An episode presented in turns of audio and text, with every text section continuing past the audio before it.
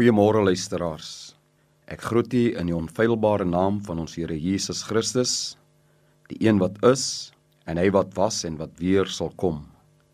Ons prioriteit as gemeente is God, mense, verhoudinge in hierdie orde. Ons glo dat God prioriteit nommer 1 is. Mense is belangrik vir God en daarom is verhoudinge vir ons ook belangrik. Ons bedien die hele eerste rivier En vir ons is dit belangrik om die woord van die Here op so 'n manier te predik dat selfs die mees onaanvaarbare stikkende mens ook aanklank daarby vind. So dis vir my dan vandag 'n baie groot voorreg om saam met u rondom die woord van die Here te vergader. Kom ons sing hartlik saam en deur ons sang bely ons ook dan God en ons loof en prys sy naam deur ons lofsang. Mm. Kom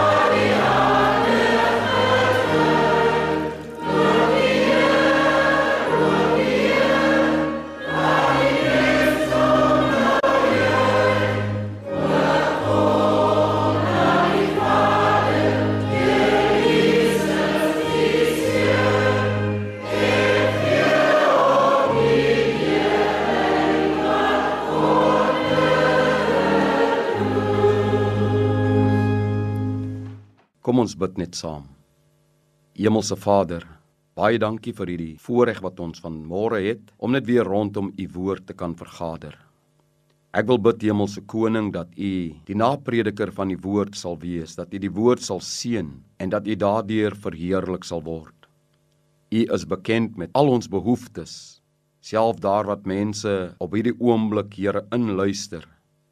Dan is u die God wat elkeen se omstandighede ken. En ek bid Here dat U sal help dat die woord lig op ons omstandighede sal werp en dat die woord Here ons nouer en nader na U sal trek. Ek bid dit in Jesus naam. Amen.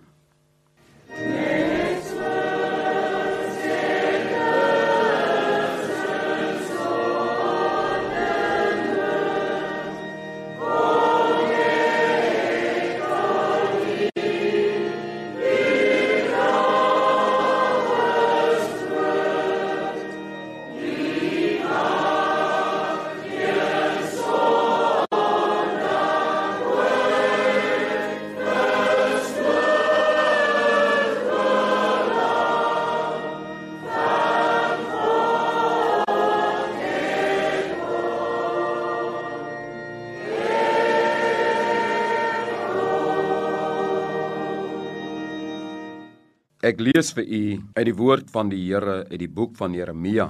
Jeremia hoofstuk 8 en ek lees vanaf vers 18 tot vers 21 as ook hoofstuk 9 vers 1. My smart oorweldig my. Ek is hewig ontsteld. Hoor hoe benoud roep my volk uit in 'n ver land. Is die Here nie meer in Sion nie? Is Sion se koning nie meer in hom nie? Waarom tart julle my met julle afgodsbeelde? Met julle vreemde, niks werd gode?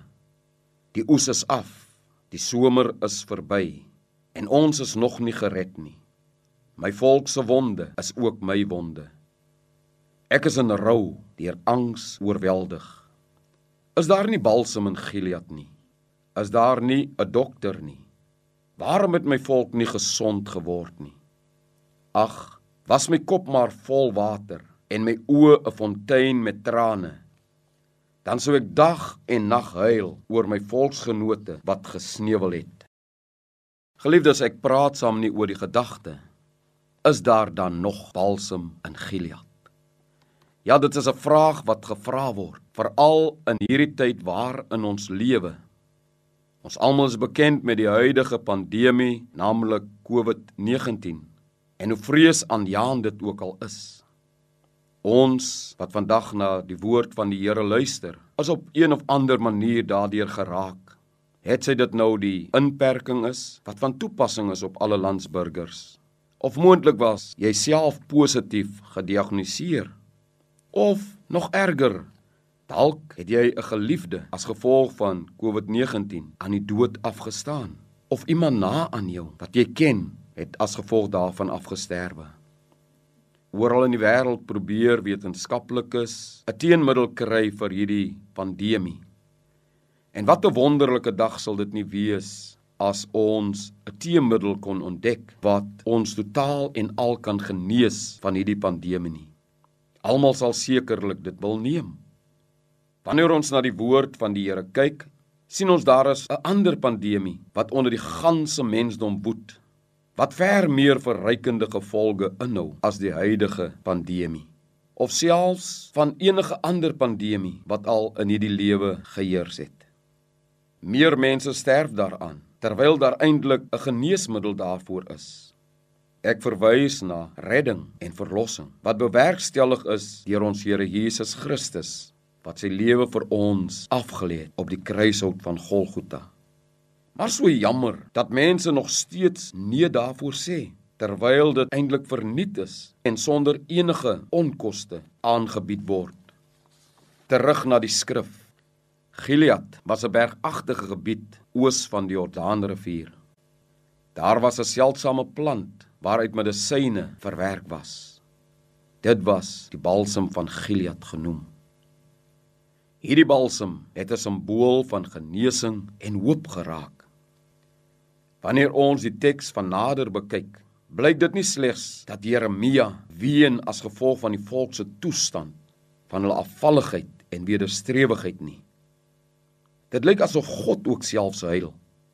In vers 19 en 22 lees ons: Die profeet vra drie retoriese vrae, menende dit is selfverduidelikend.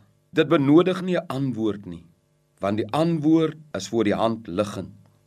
Profeet vra: Is die Here dan nie meer in Sion nie?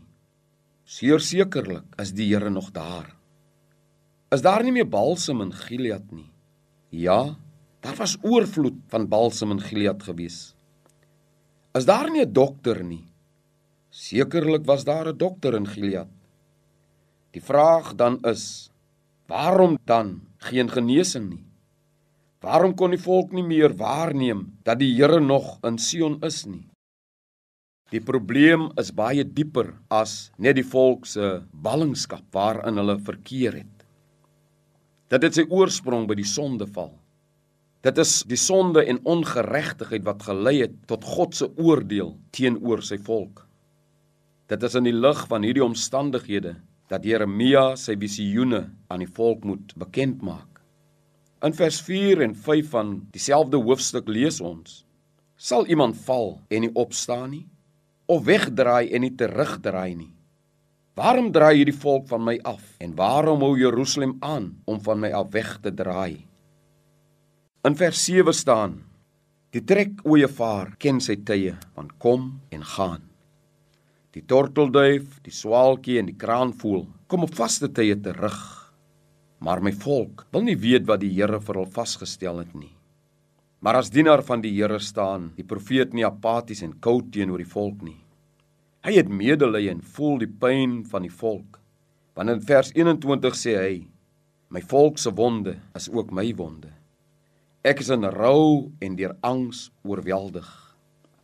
In Hebreërs 4:15 en 16 lees ons: Want ons het nie 'n hoëpriester wat nie met ons swakhede medelee het nie, maar een wat in alle opsigte versoek is, net soos ons, maar sonder sonde.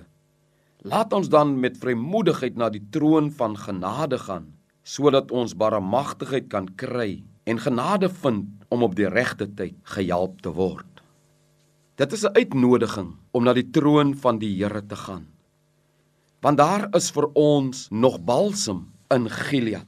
Maar wanneer ons kyk na die volk, dan sien ons dat die volk het as gevolg van hulle toestand waarin hulle verkeer het, die sonde. Dit laat my dink aan Romeine wat sê dat die sonde bring 'n skeidsmuur tussen God en die mens. Sonde dryf 'n wig tussen God en die mens. Die sonde bring 'n mens op 'n plek waar ons nie meer hoor wanneer God praat nie. Wanneer ons nie meer opmerk dat die Here is nog in ons midde nie. Dan vra ons ook soos in Jeremia gevra word, is die Here nie meer in Sion nie. En 'n mens kan baie maklik in hierdie tyd ook waarin ons onsself bevind, kan ons onsself afvra, waar is die Here? Waar is God dan? Hoekom laat God toe dat ons deur sulke verskriklike dinge deurgaan in hierdie lewe? Reg in die begin van hierdie COVID-19 moes ek 'n familie besoek wat twee kinders agtergelaat het. Beide, man en vrou, het hulle lewe vaarwel gesê as gevolg van die virus. En nie net ma en pa nie, maar self ouma is ook as gevolg van hierdie virus oorlede. So dan kan 'n mens sekerlik uitroep, maar waar is God? Gee God dan nie om nie. Maar ek wil vir julle sê, liewe luisteraar, ongeag ons omstandighede, ongeag wat ons deurgaan in hierdie lewe, God is altyd daar.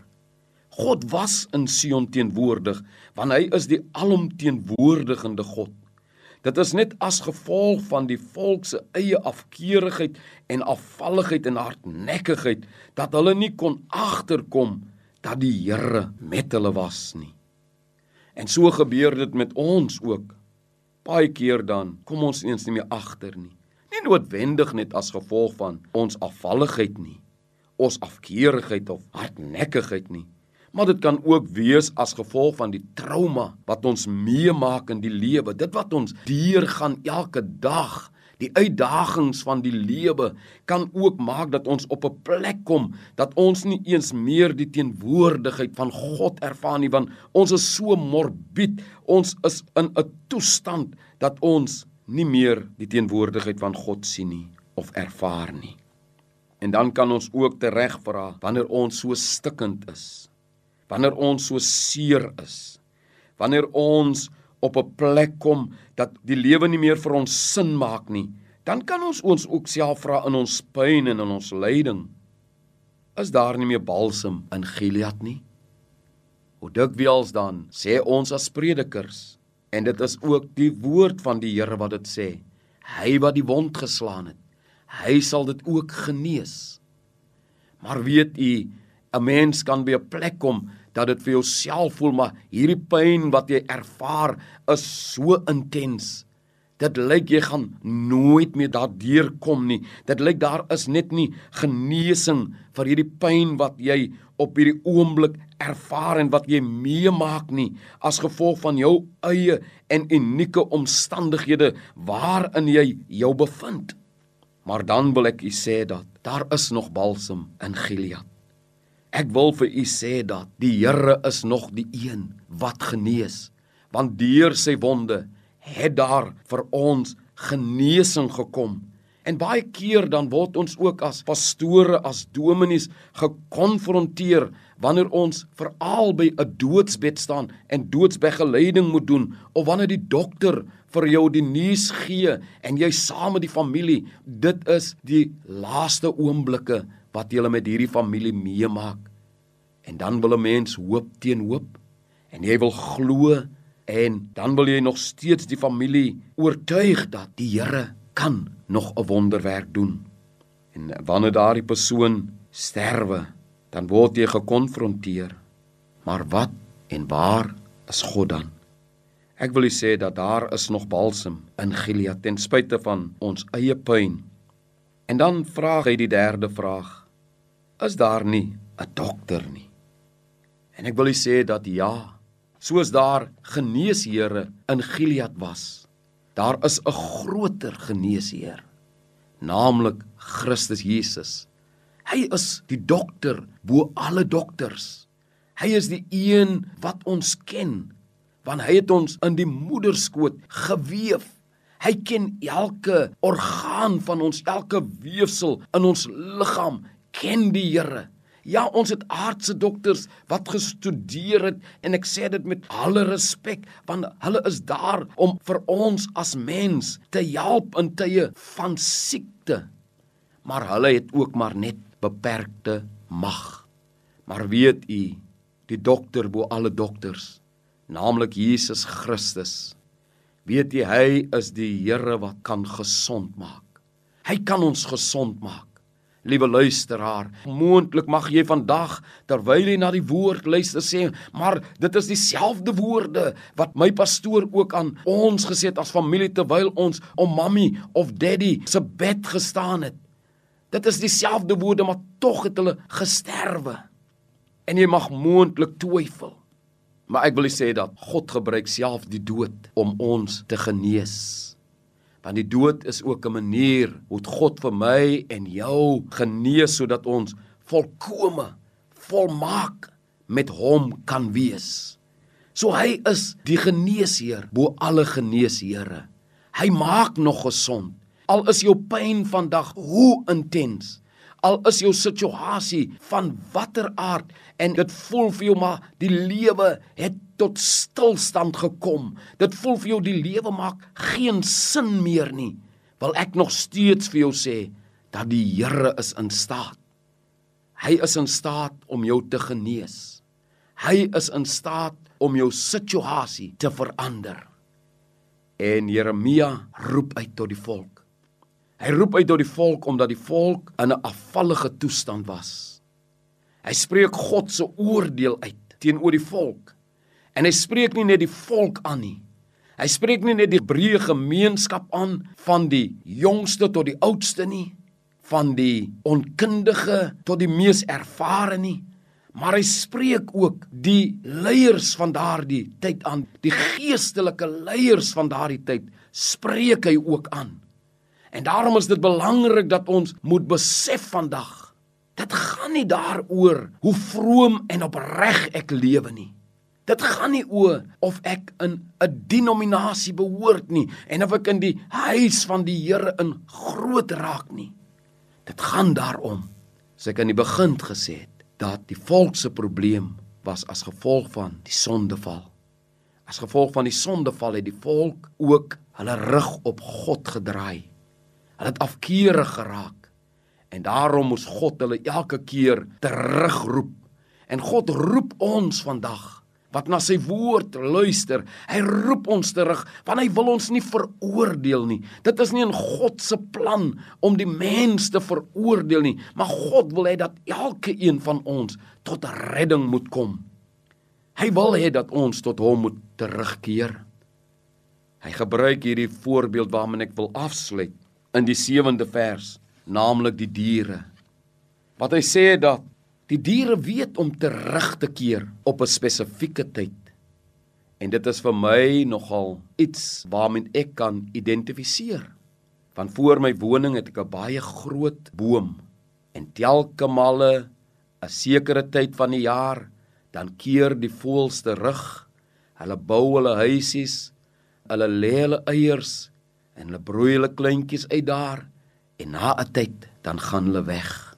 Hulle weet om op 'n sekere tyd terug te keer na dieselfde plek waar hulle hulle huis bou. Hoeveel te meer moet ek en jy as mensekind nie agslaan nie. Ons moet leer van die natuur. Ons kan leer van die diere, maar ek wil glo ons is immers meer slimmer as die diere. En daarom daag ek uit vandag, liewe luisteraar. Jy ken jou eie omstandighede. Ek wil vir julle sê vandag, daar is nog balsem in Gilead. Ek wil vir u vanmôre sê dat die Here is nog in Sion en hy is nog die dokter wat ons kan genees. Nie van ons fisiese, uiterlike, liggaamlike krankhede alleen nie, maar God wil ons innerlik genees. Jy ken jou toestand van môre. Jy weet waar jy deurgaan in hierdie oomblikke. Moontlik fisies as jy siek of jy is geestelik siek. Hoe dit ook al sê, die Here is van môre hier. Hy roep na jou. Hy is van môre die alomteenwoordigende God. Hy is die God van Sion, maar hy is ook die God wat oral is. Hy is vandag hier met die balsem van Gilead. Hy is die dokter bo alle dokters wat jou vandag wil genees. Moet nie omstandighede onderskat nie, maar meer as ooit moet ook net die God van Sion gering ag nie. Hy is in staat om van môre 'n wonderwerk vir u te doen. Kom ons bid saam. Hemelse Vader, baie baie dankie vir u woord.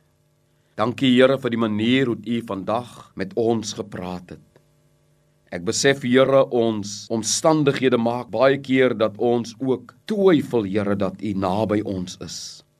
Dat u in ons teenwoordigheid is ons pyn en ons seer Here wat ons deurmaak as gevolg van die lewensomstandighede. Here maak ook dat ons baie keer twyfel in die balsem van Gilead, dat ons twyfel Here in die genesende krag van U. Maar ek wil bid Vader dat U tog die naprediker van die woord sal wees. Help iemand Here wat van môre ver van U af is. Help iemand Here wat se wond vandag diep is wat vandag pynlik en ondraagbaar is, help so 'n persoon Vader en openbaar U self as die geneesheer bo alle geneesheere in Jesus naam. Amen.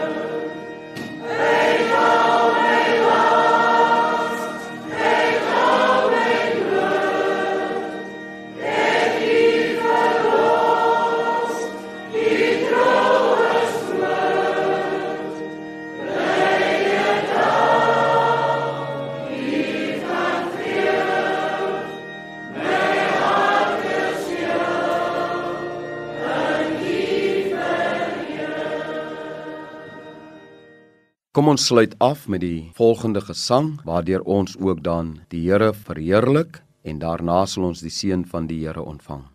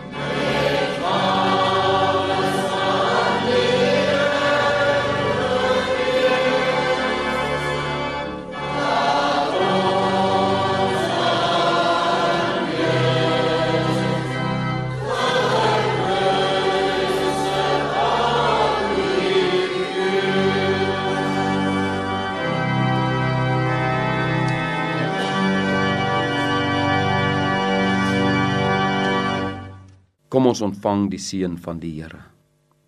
Die Here sal ons behoed en die Here sal ons bewaar.